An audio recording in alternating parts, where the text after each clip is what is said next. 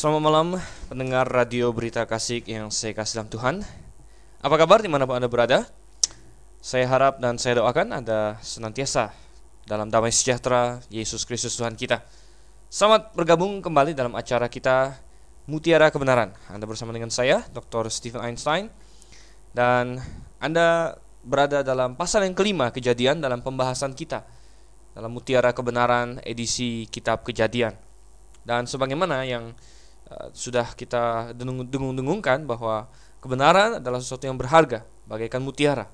Tapi sering kali kebenaran itu harus digali dan oleh sebab itulah Radio Berita Kasih bersama dengan Mutiara Kebenaran berada uh, menyediakan kebenaran untuk disuguhkan kepada Anda. Dan kita berfokus kepada kitab Kejadian dan satu pasal satu hari, dengan Tuhan, sama satu jam kita akan membahasnya dan kita sudah sampai ke dalam pasalnya yang kelima sekarang. Nah, uh, mari kita buka Alkitab kita bersama dalam Kejadian pasalnya yang kelima. Tapi sebelum itu, saudara yang Tuhan, mari kita berdoa terlebih dahulu. Bapa di surga, kami sungguh ucap syukur bahwa Engkau begitu baik kepada kami. Kami ucap syukur bahwa Engkau memberikan kesempatan kesehatan bagi kami untuk merenungkan firman-Mu. Kau yang kira pimpin agar kami dapat mengertinya, terutama kejadian pasal 5 pada malam ini ya Tuhan. Ada banyak hal yang bisa kami pelajari, kau yang kiranya bukakan bagi kami. Kami berdoa dalam nama Yesus Kristus, Tuhan dan Juru Selamat kami yang hidup. Amin. Baik, Bapak Ibu pendengar Radio Berita Kasih yang setia di mana Anda berada. Mari kita buka Alkitab kita ke dalam kejadian pasalnya yang kelima. Ya. Kejadian pasalnya yang kelima. Kalau sudah mendapat, kita akan baca bersama-sama. Pertama-tama adalah ayat 1 hingga ayatnya yang kelima ya. Ayat 1 hingga ayat yang kelima. Begini bunyi firman Tuhan. Inilah daftar keturunan Adam. Pada waktu manusia itu diciptakan oleh Allah Dibuatnyalah dia menurut rupa Allah. Laki-laki dan perempuan diciptakannya mereka. Ia memberkati mereka dan memberikan nama manusia kepada mereka. Pada waktu mereka diciptakan. Setelah Adam hidup 130 tahun ia memperanakan seorang laki-laki menurut rupa dan gambarnya, lalu memberi nama Set kepadanya. Umur Adam setelah memperanakan Set 800 tahun dan ia memperanakan anak-anak lelaki dan perempuan. Jadi Adam mencapai umur 930 tahun lalu ia mati. Kejadian pasal 5 melanjutkan kejadian pasal 4 dan kejadian pasal 3 di mana ini adalah dunia pasca kejatuhan dalam dosa, Saudara dunia yang sudah jauh berbeda dibandingkan dengan dunia yang pertama Allah ciptakan yang sempurna. Tetapi ini adalah dunia yang kini berada di bawah cengkraman dosa, menunggu penyelamatannya oleh Tuhan. Dan sudah kasih Tuhan, ada sedikit recap di awal-awal, sedikit uh, kilas balik, sedikit rangkuman tentang apa yang terjadi. Dikatakan di ayat yang satu inilah daftar keturunan Adam.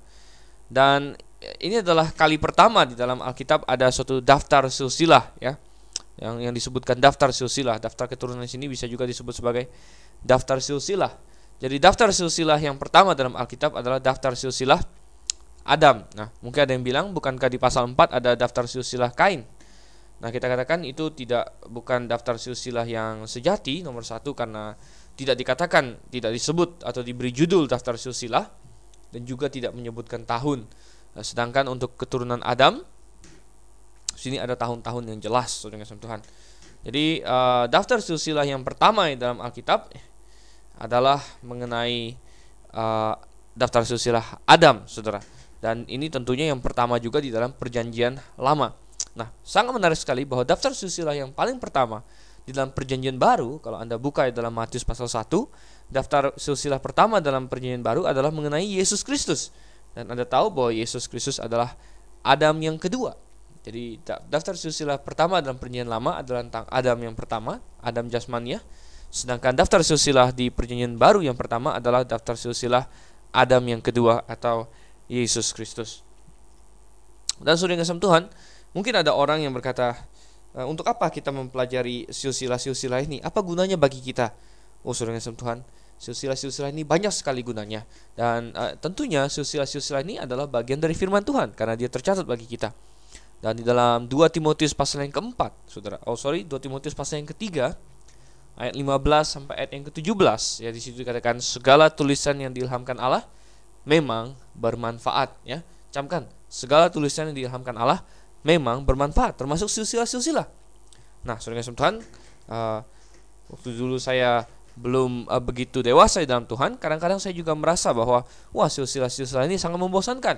Si ini hidup sekian tahun, kemudian dia mati, dia memperanakan si ini, kemudian anaknya lagi hidup sekian tahun memperanakan si ini, kemudian mati lagi uh, seolah-olah sangat membosankan. Tapi saudara Tuhan, ketahuilah bahwa uh, sesungguhnya ada banyak sekali harta yang terpendam di dalamnya, ya harta yang terpendam di dalamnya.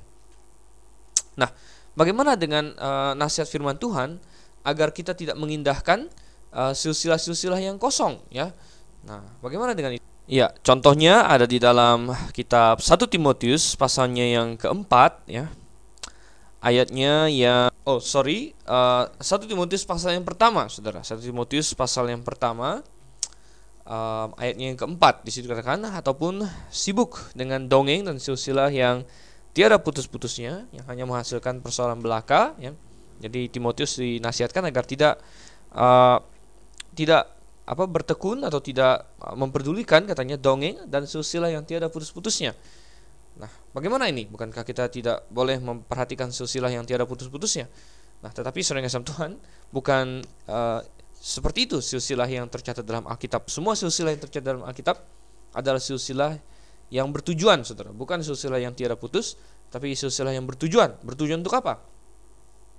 Semua silsilah dalam Alkitab sebenarnya bertujuan untuk menunjuk kepada Yesus Kristus ya. E, memberikan suatu e, daftar keturunan hingga sampai kepada Yesus Kristus.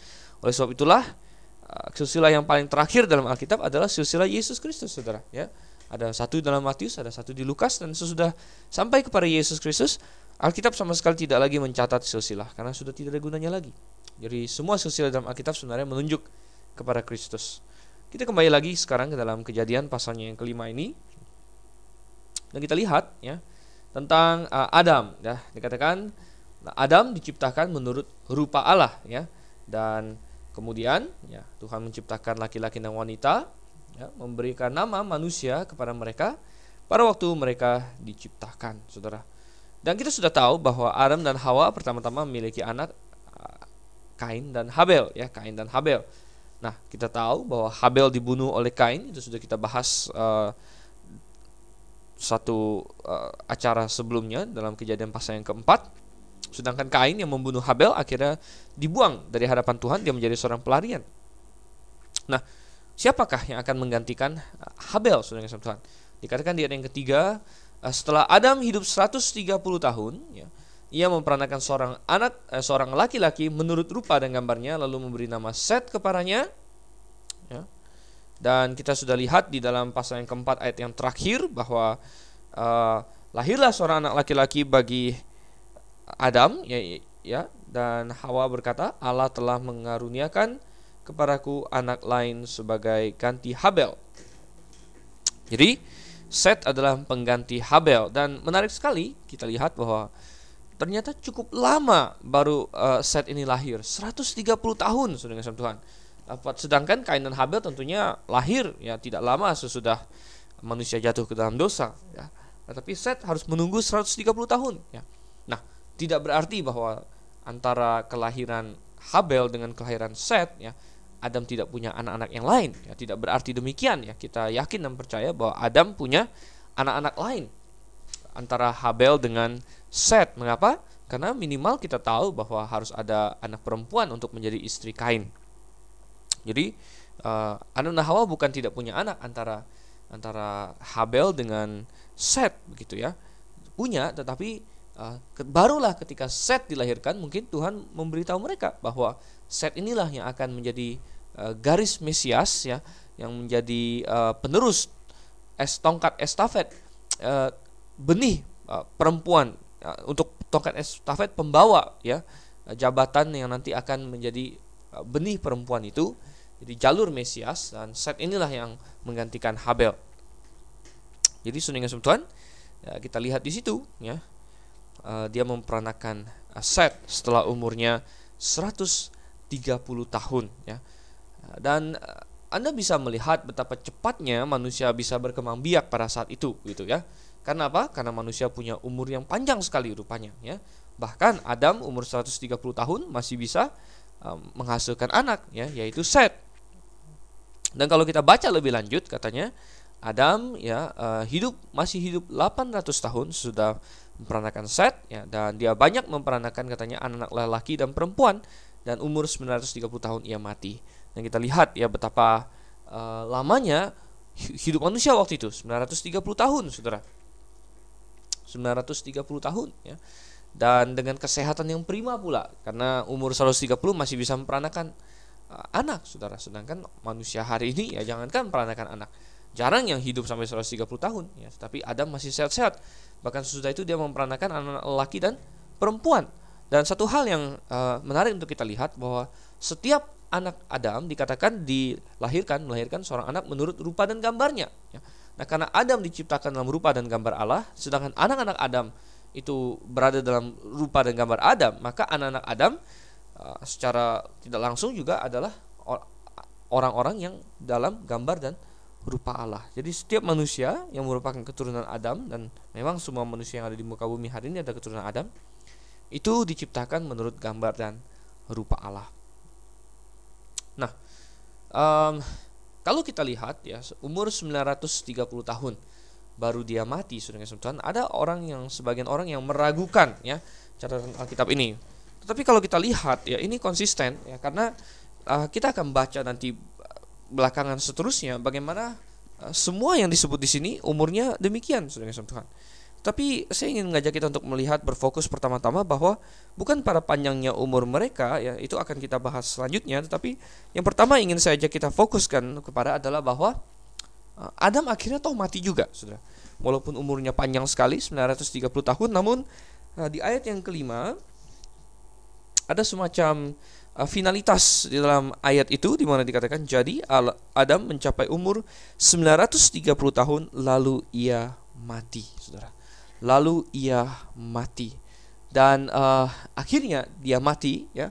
Dan genaplah proses kematian yang sudah dimulai pada hari dia memakan buah itu. Sebagaimana yang Tuhan katakan pada hari engkau makannya engkau akan mati dan sungguh pada hari Adam memakan buah itu dia mati secara rohani dan kematian jasmaninya sudah dimulai ya dan uh, 930 tahun kemudian menjadi genap ya. Kalau ibarat uh, kipas angin sudah kasih Tuhan, ketika kita cabut listriknya, maka kipas angin itu sudah mati. Tapi kadang-kadang uh, kipas angin itu masih terus berputar berputar berputar berputar sampai waktu yang cukup lama barulah kipas angin itu berhenti total. Nah, demikianlah saudara Adam ketika dia mati rohani, dia terpisah dari Allah yang adalah sumber kehidupan, maka tak pelak lagi dia bagaikan kipas angin yang sudah dicabut listriknya dan walaupun dia masih bisa berjalan cukup lama, tapi saudara yang Tuhan, akhirnya dia mati juga. Uh, apa yang Tuhan katakan terbukti benar, saudara, bahwa pada hari engkau memakannya engkau akan mati. Dan apa yang dikatakan iblis terbukti tidak benar. Ketika iblis menawarkan kepada Hawa buah itu, iblis berkata, "Makan saja," katanya. "Engkau tidak akan mati, engkau akan menjadi seperti Allah." Oh, saudara yang Tuhan, kebohongan paling besar dalam sejarah dan yang terus diulang. Dan akhirnya 930 tahun kemudian terbukti siapa yang benar, Allah atau iblis.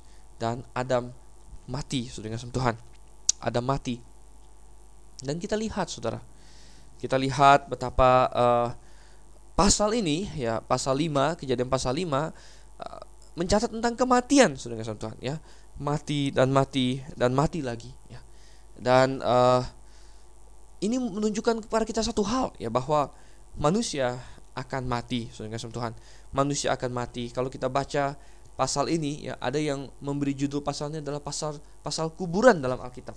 Ya, mengapa disebut pasal kuburan dalam Alkitab? Karena tidak berapa lama lalu ada yang mati, lalu ada yang mati ya. Coba saya ajak kita baca beberapa ya, ayat 6 sampai ayat 11 misalnya ya. Setelah Set hidup 105 tahun ia memperanakan Enos ya. Dan Set masih hidup 800 tujuh tahun setelah ia memperanakan Enos dan ia memperanakan anak-anak lelaki dan perempuan jadi Set mencapai umur 912 tahun lalu ia mati setelah Enos hidup 90 tahun ia memperanakan Kenan dan Enos masih hidup 815 tahun setelah ia memperanakan Kenan dan ia memperanakan anak-anak lelaki dan perempuan. Jadi Enos mencapai umur 905 tahun lalu ia mati.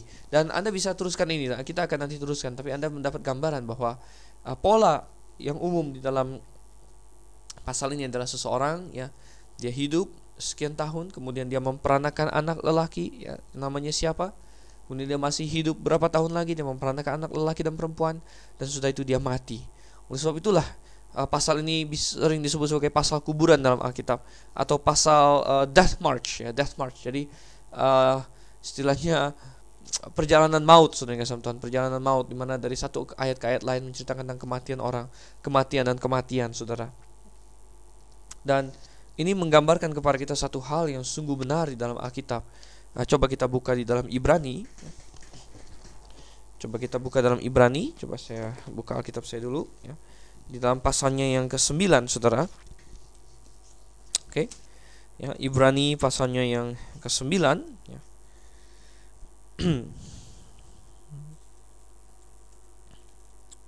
Nah, kita lihat ayatnya yang ke-27 ya. Ibrani 9 ayat 27 ya dikatakan dan sama seperti manusia ditetapkan untuk mati hanya satu kali saja dan sesudah itu dihakimi. Oh saudara kasih Tuhan, manusia ditetapkan untuk mati satu kali dan uh, siapa pun anda, anda akan menghadapi kematian. Kematian adalah hal yang uh, menjadi common denominator atau istilahnya menjadi hal uh, yang menyamakan semua orang, saudara anda dengan saya mungkin berbeda dalam banyak hal ya. Uh, pendengar radio kasih ya beribu-ribu orang di segala penjuru Jakarta ya. Uh, tentunya memiliki latar belakang yang berbeda dan semua berbeda satu dengan yang lain. Lahirnya berbeda, saudara. Ada juga yang uh, pendidikannya berbeda, ada yang uh, sukunya berbeda, ada yang uh, tingkat ekonominya berbeda dan lain-lain sebagainya. Pengalaman hidup berbeda, tapi saudara, satu hal yang sama antara semua manusia adalah bahwa semuanya mengalami kematian, saudara. Semua mengalami kematian dan Anda perlu ingat bahwa kematian ini adalah karena dosa. Karena Adam dan Hawa makan buah itu dan mereka berdosa kepada Allah, maka ada kematian. Tetapi saudara kasih Tuhan, jangan ada tertipu, jangan ada tertipu untuk mengatakan bahwa setelah kematian sudah selesai, saudara. Bahwa kematian itulah ujung dari segala jalannya. Oh tidak, jauh daripada itu saudara kasih Tuhan. Jauh daripada itu. Tetapi setelah kematian itu bukan ending dari segala-galanya. Setelah kematian akan ada kehidupan setelah kematian dan kehidupan itu akan dihabiskan dalam kekekalan, Saudara. Kekal ya, tidak akan lagi uh, ada waktu. Jadi terus dan terus dan terus dan terus dan terus dan terus dan terus dan terus, Saudara. Dan tidak bisa ada henti-hentinya waktu itu ya dan uh, Anda akan menghabiskan waktu yang tidak akan habis itu sehingga tidak ada waktu lagi karena waktu tidak habis Saudara dan yang terus dan terus dan terus dan terus. Dan dan tidak ada hentinya sampai kapan ya?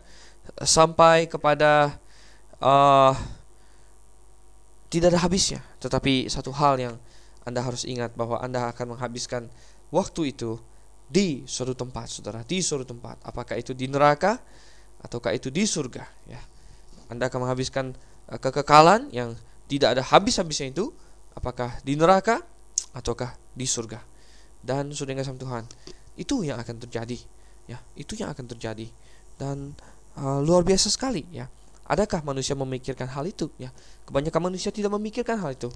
Mereka hanya sibuk dengan uang, mereka hanya sibuk dengan mencari mencari segenggam nasi, saudara, mencari uang.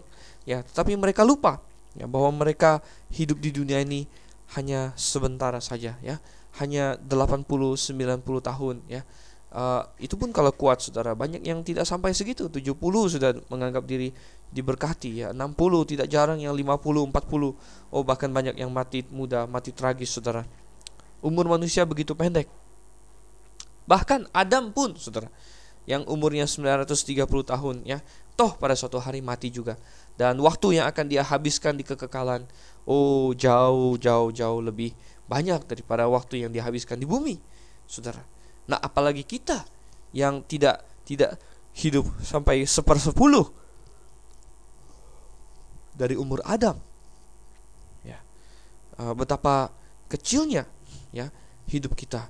dan betapa pentingnya kekekalan itu. Dan sekali lagi, semua manusia akan mati, saudara, karena dosa. Dan karena dosa pula, semua manusia akan masuk neraka. Coba kita buka dalam Roma pasalnya yang ke-6, saudara. Kita buka Roma pasalnya yang ke-6, ayatnya yang ke-23. Saya bacakan untuk saudara. Bagian yang A dikatakan Roma 6 ayat 23. Sebab upah dosa ialah maut, saudara. Sebab upah dosa ialah maut. Dan maut apakah yang dimaksud, saudara? Bukan hanya sekedar mati, masuk ke dalam kubur, diturunkan ke dalam tanah, saudara. Bukan hanya itu, memang itu adalah maut juga. Tapi coba kita lihat di dalam ayatnya yang ke-14 dari Wahyu pasal yang ke-20, saudara. Wahyu kitab terakhir di dalam Alkitab pasal yang ke-20 ayat yang ke-14 dikatakan lalu maut dan kerajaan maut itu dilemparkanlah ke dalam lautan api. Itulah kematian yang kedua lautan api. Oh saudara yang Tuhan. Inilah maut yang dimaksud kematian kedua lautan api saudara neraka. Dan uh, semua orang akan mengalami hal ini ya Adam mengalaminya ya dan semua yang uh, setelah dia mengalaminya oh saudara yang Tuhan anda pun suatu hari mungkin akan mengalami kematian. Uh, kalau Anda manusia ya, Anda akan mengalami kematian, Saudara. Pertanyaannya adalah sudah siapkah engkau untuk menghadapi itu? Uh, pastikah Anda akan masuk sorga, Saudara? Dan uh, banyak orang yang tidak pasti masuk sorga. Saya katakan kalau Anda tidak pasti masuk sorga, maka Anda pasti tidak masuk sorga, Saudara. Anda tidak pasti masuk sorga, maka Anda pasti tidak masuk sorga. Dan saudara Tuhan, ya kita lihat dalam hal ini ya. Uh, betapa uh, luar biasa ya. Uh, kematian itu sama untuk semua orang ya. Kematian itu sama untuk semua orang. Nah adakah cara untuk meloloskan diri dari dari kematian ini saudara Tuhan? Terutama dari dari neraka dari api neraka. Adakah cara untuk meloloskan diri? Oh saudara Tuhan kabar buruk adalah bahwa semua manusia sudah berdosa anda sudah berdosa, saya sudah berdosa. Kabar lebih buruk lagi, orang berdosa harus dihukum ya. Orang berdosa harus dihukum. Tetapi saudara yang kasih Tuhan, uh, orang yang ingin uh, lepas dari hukuman, maka dia harus menyelesaikan dosa. Dia harus menyelesaikan dosa. Bagaimana caranya? Oh, dosa tidak bisa diselesaikan dengan amal ibadah. Dosa tidak dapat diselesaikan dengan perbuatan baik ya. Dosa hanya dapat diselesaikan dengan hukuman ya. Dosa harus dihukum ya. Uh, penjahat hari ini kalau dia tertangkap ya uh, dia membunuh orang dia memperkosa uh, dia uh, merampok bank saudara maka tidak bisa di hadapan hakim dia berkata oh Tuhan hakim yang baik ya janganlah saya dihukum baiklah saya berbuat baik saja ya baiklah saya uh, membangun jembatan baiklah saya menyumbang panti asuhan baiklah saya uh, bertapa di gua Baiklah saya pantang menikah, baiklah saya pantang makan ini, pantang makan itu. Oh, Saudara, itu semua tidak bisa. Itu semua tidak tidak laku di hadapan sang hakim, ya. Tetapi hukuman harus dijatuhkan dan satu-satunya cara supaya kita bisa diselamatkan adalah bahwa ada yang menanggung hukuman itu. Ada yang menanggung hukuman itu, Saudara kasih Tuhan, ya.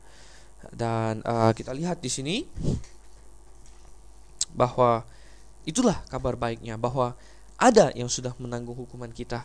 Nah, tentunya orang yang menanggung hukuman ini tidak boleh orang yang berdosa, ya. Karena kalau dia adalah orang yang berdosa, maka dia harus menanggung hukumannya sendiri dan tidak bisa menanggung hukuman orang lain. Ya.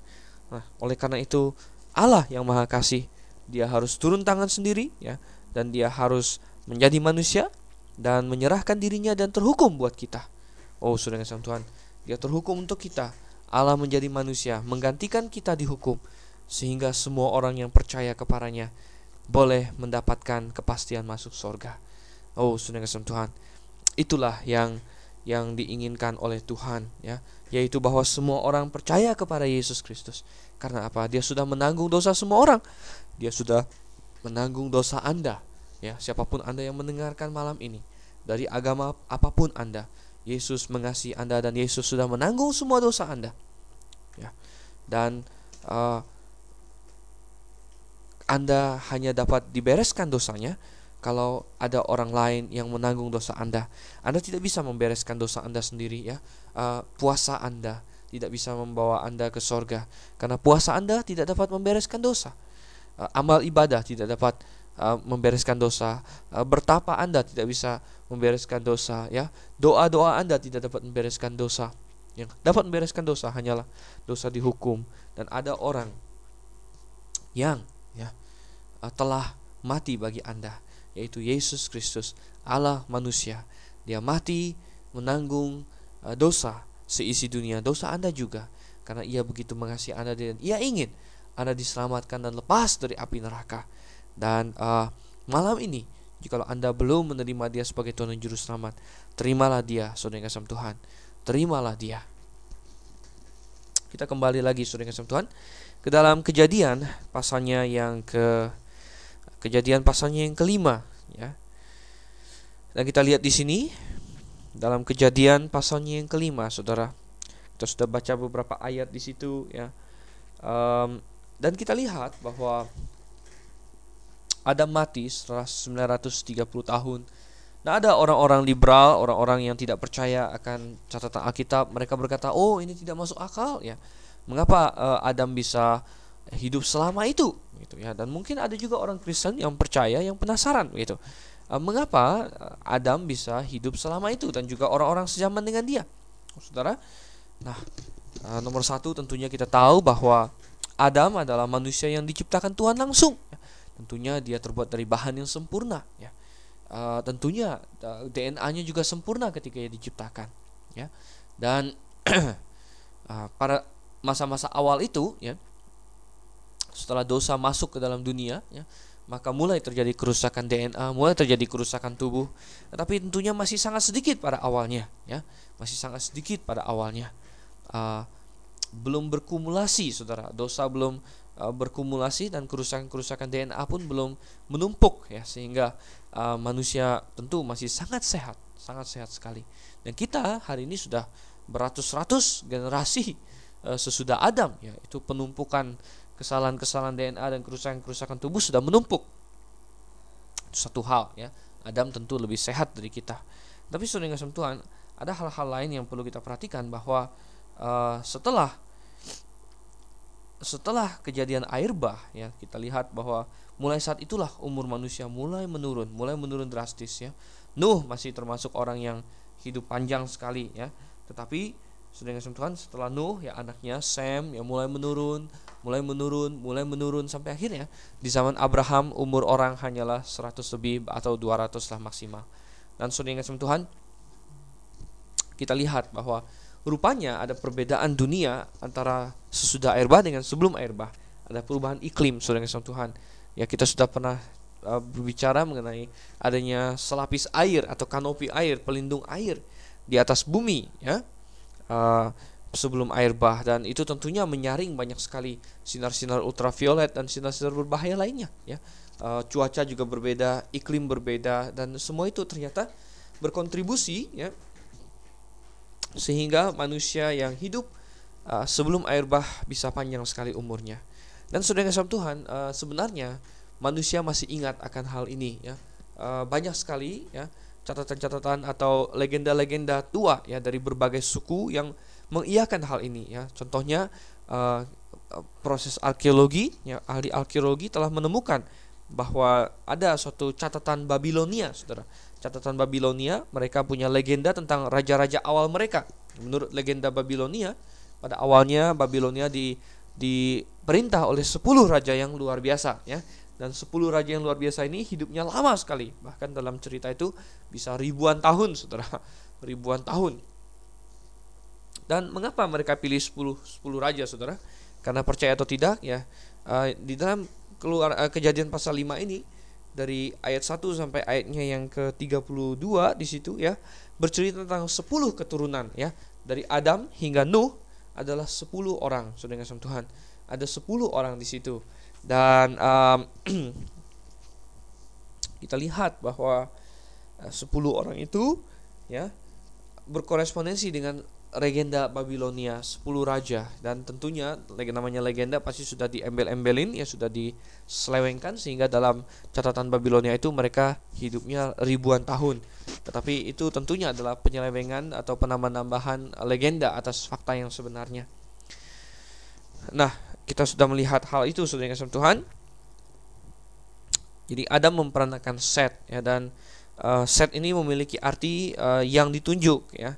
Set itu artinya yang ditunjuk dan uh, tentunya ini merefleksikan ya uh, karena Hawa berkata ya bahwa ketika dia melahirkan Set katanya Allah telah mengaruniakan kepadaku anak yang lain sebagai ganti Habel. Jadi dia adalah anak yang ditunjuk untuk menggantikan Habel, Saudara. Set kemudian melahirkan Enos ya. Nah, Enos adalah artinya uh, lemah, Saudara. Lemah ya. Jadi uh, Set melahirkan Enos dan dia menamai anaknya sendiri lemah. Nah, mengapa, Saudara Tuhan? Uh, mungkin manusia mulai merasakan banyak sakit penyakit mulai saat itu, Saudara ya. Uh, mulai ada sakit saat itu mungkin ya. Uh, ini dan uh, dikatakan di ayat yang ke-26 dari pasal 4 ya. Jadi suatu pasal sebelumnya bahwa pada zaman Enos lah orang mulai memanggil nama Tuhan. Mungkin dalam kesadaran mereka akan kelemahan mereka, mereka memanggil nama Tuhan ya. Kemudian Enos memperanakan uh, Kenan, saudara. Dan Kenan ini ya artinya adalah uh, uh, tukang tukang besi sebenarnya ya. Dia tukang besi ya. Dan kita lihat ya, Enos memperanakan siapa? Nah, ini kita perlu membaca lebih lanjut ya. Coba kita baca dari ayat yang ke-12 sampai ayat yang ke-20, Saudara ya. Kita lanjutkan sedikit Kejadian pasal 5 ayat 12 sampai ayat yang ke-20. Saya bacakan terus Saudara. Begini bunyi firman Tuhan. Setelah Kenan hidup 70 tahun ya, yang memperanakan Mahalaleel ya dan Kenan masih hidup 840 tahun. Setelah ia memperanakan Mahalaleel dan ia memperanakan anak-anak lelaki dan perempuan. Jadi Kenan mencapai umur 910 tahun lalu ia mati. Setelah Mahalaleel hidup 65 tahun ia memperanakan Yared ya. Dan Mahalaleel masih hidup 830 tahun setelah ia memperanakan Yared dan ia memperanakan anak-anak lelaki dan perempuan. Jadi Mahalaleel mencapai umur 895 tahun lalu ia mati. Setelah Yared hidup 162 tahun ia memperanakan Henok dan Yared masih hidup 800 tahun setelah ia memperanakan Henok dan ia memperanakan anak-anak lelaki dan perempuan. Jadi Yared mencapai umur 962 tahun lalu ia mati. Nah, saudara kasih Tuhan, kita lihat di sini ya ada banyak hal ya. Um, pertama kita lihat Kenan memperanakan Mahalaleel ya dan kata El di belakang Leel ya El di belakang itu artinya Allah saudara dan arti nama dari Mahalaleel adalah uh, terpujilah Allah saudara ya. Terpujilah Allah terpujilah El ya. Dan uh, mereka hidup dan uh, Mahalalel sendiri memperanakan orang yang namanya Yared ya. Dan Yared artinya keturunan ya. Uh, ya suatu nama yang uh, sangat deskriptif ya keturunan. Um, nah Mahalalel menjadi orang pertama yang hidupnya tidak mencapai 900 tahun ya mungkin dia sudah merasa cukup sedih ya bahwa dia tidak sampai 900 tahun ya uh, padahal uh, kita ya hari ini akan senang sekali kalau kita bahkan bisa mencapai 80 tahun Oke. Nah, Yared sendiri yang masih hidup katanya 162 eh, tahun dia memperanakan Henok ya. Dan Yared ya memperanakan Henok. Apa arti Henok Saudara? Henok artinya dedikasi ya. Dedikasi dan Henok ini adalah orang yang spesial ya. Nah, coba kita akan baca apa yang spesial eh, dari Henok Saudara. Kita baca ayatnya yang ke-21 sampai ayatnya yang ke-24 ya ayat 21 sampai 24 saya bacakan untuk saudara. Setelah Henok hidup 65 tahun katanya, ia memperanakan Metusalah dan Henok hidup bergaul dengan Allah selama 300 tahun lagi ya. Setelah ia memperanakan Metusalah dan ia memperanakan anak-anak lelaki dan perempuan. Jadi Henok mencapai umur 365 tahun ya.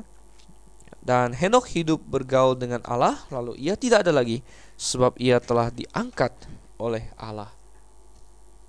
Nah, saudara, rupanya Henok ini adalah orang yang luar biasa sekali. Mengapa luar biasa, saudara? Dia adalah seorang pengecualian, ya. Di tengah-tengah pasal kuburan ini, di tengah-tengah uh, perjalanan maut ini, ya, di mana orang ini mati, orang ini mati, orang ini mati, tanpa ada suatu uh, variasi tanpa ada suatu variasi tapi monoton mati mati mati. Nah ada satu yang lain daripada yang lain ada satu yang menonjol ya yaitu Henok saudara. Dan Henok tidak mati saudara. Jadi uh, Tuhan memang menyatakan bahwa manusia akan mati ya karena dosa. Tetapi rupanya ada orang yang tidak mati. Siapakah orang yang tidak mati saudara? Orang yang tidak mati adalah orang yang ya uh, dosanya sudah diselesaikan saudara ya. Nah, mereka ini tidak mati rohani mereka hidup rohani tapi kebanyakan orang yang diselamatkan toh mati jasmani. Tetapi mereka memiliki pengharapan akan suatu hal ya yaitu kita yang percaya kepada Tuhan hari ini kita memiliki pengharapan bahwa Tuhan bisa datang kapan saja untuk menjemput kita di angkasa. Dan dengan demikian ada orang percaya yang tidak akan mengalami kematian saudara. Ya dan ini Henok seolah-olah menggambarkan hal ini ya. Henok menggambarkan orang-orang percaya yang tidak mengalami kematian tapi yang diangkat ke sorga oleh Tuhan.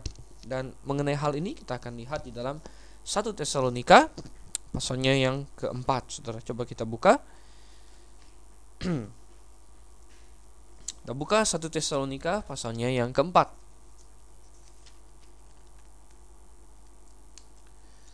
Satu Tesalonika pasal yang keempat dan ini sebentar Alkitab saya kita lihat ayatnya yang ke-13 ya, hingga ayatnya yang ke-18 Saudara. 1 Tesalonika pasal 4 ayat yang ke-13 sampai ayat yang ke-18 saya bacakan untuk Saudara.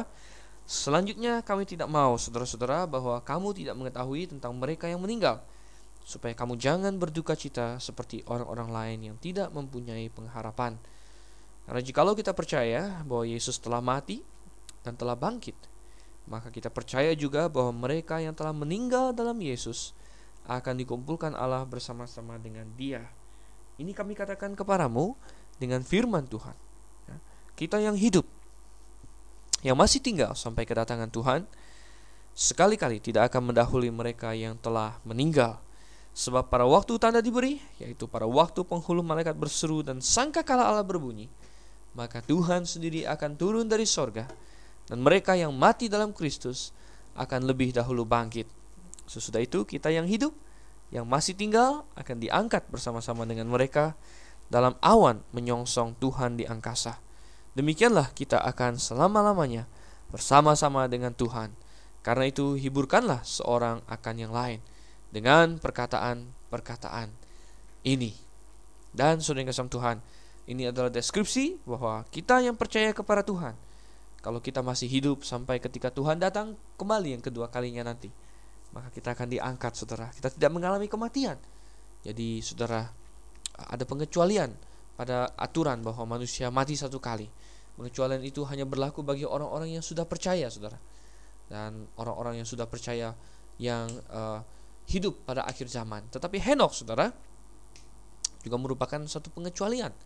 Ya dia dia tidak mati. Dan ini eh, saya rasa merupakan suatu tipologi atau suatu gambaran simbol ya simbol dari apa yang akan kita alami.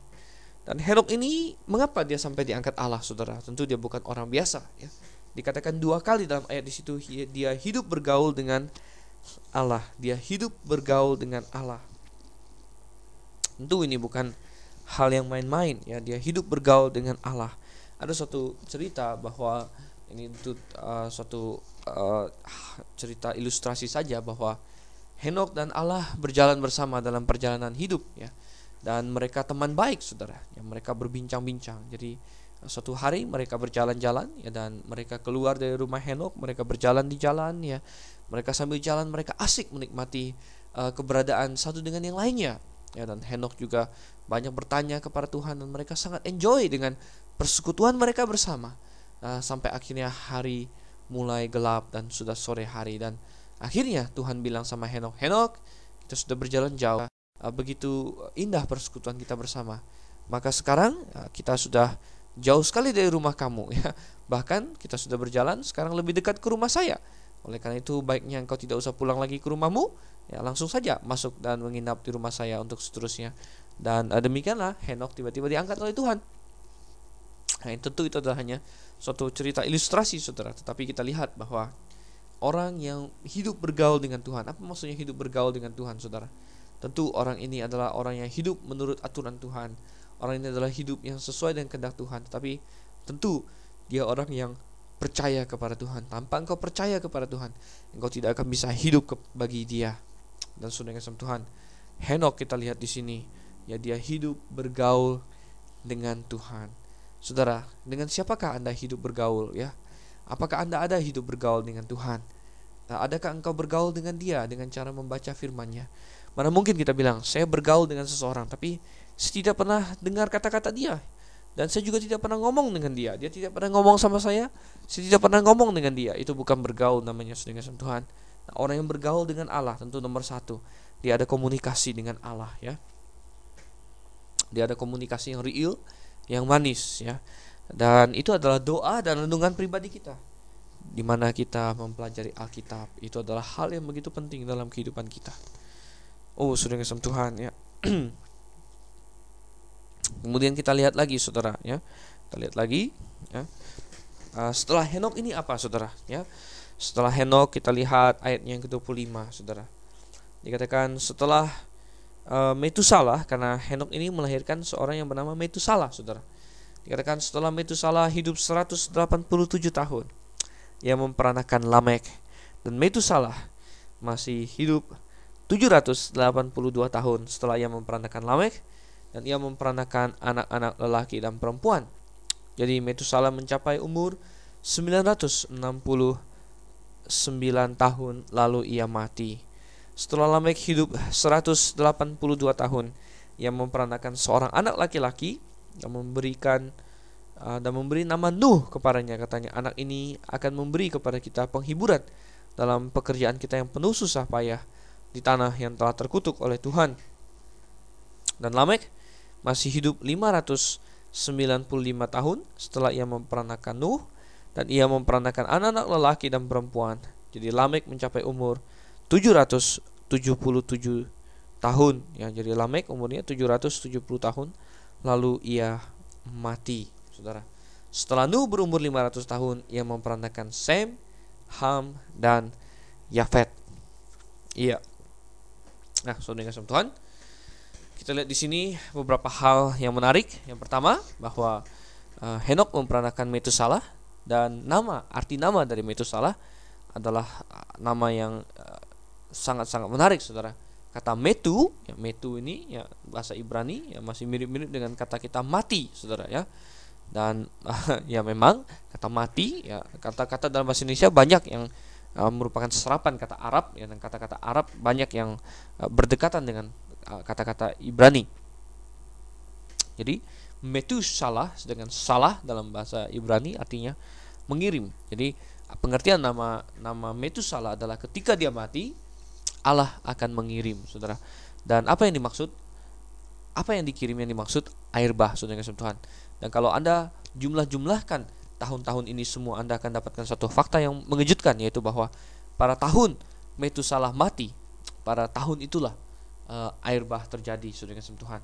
Jadi Metusalah uh, Tuhan sudah nubuatkan ya dan mengapa Tuhan bisa nubuatkan karena Henok adalah seorang nabi saudara ya, ingat bahwa Metusalah ada anaknya Henok saudara dan Henok adalah nabi ya. Dan dia bernubuat juga ketika dia eh, menamai anaknya bahwa ketika anak ini mati ya Tuhan akan mendatangkan bencana.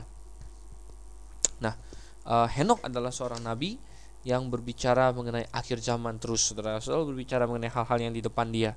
Dan ini kita bisa lihat di dalam Henok pasal yang pertama. Ya Henok pasal yang pertama lagi. Yudas saudara ya. Kitab Yudas pasal yang pertama. Ya. Uh, Yudas pasal yang pertama ya, karena hanya ada satu pasal dalam Yudas ya.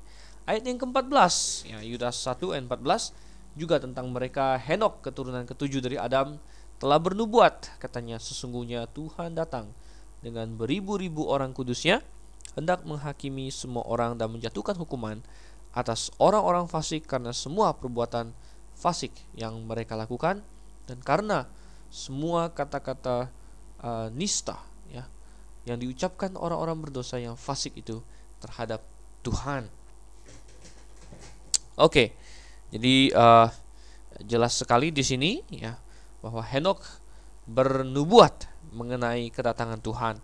Dan uh, menarik bahwa orang yang diangkat oleh Tuhan dia bernubuat mengenai kedatangan Tuhan yang suatu hari akan uh, mengangkat kita naik ke sorga.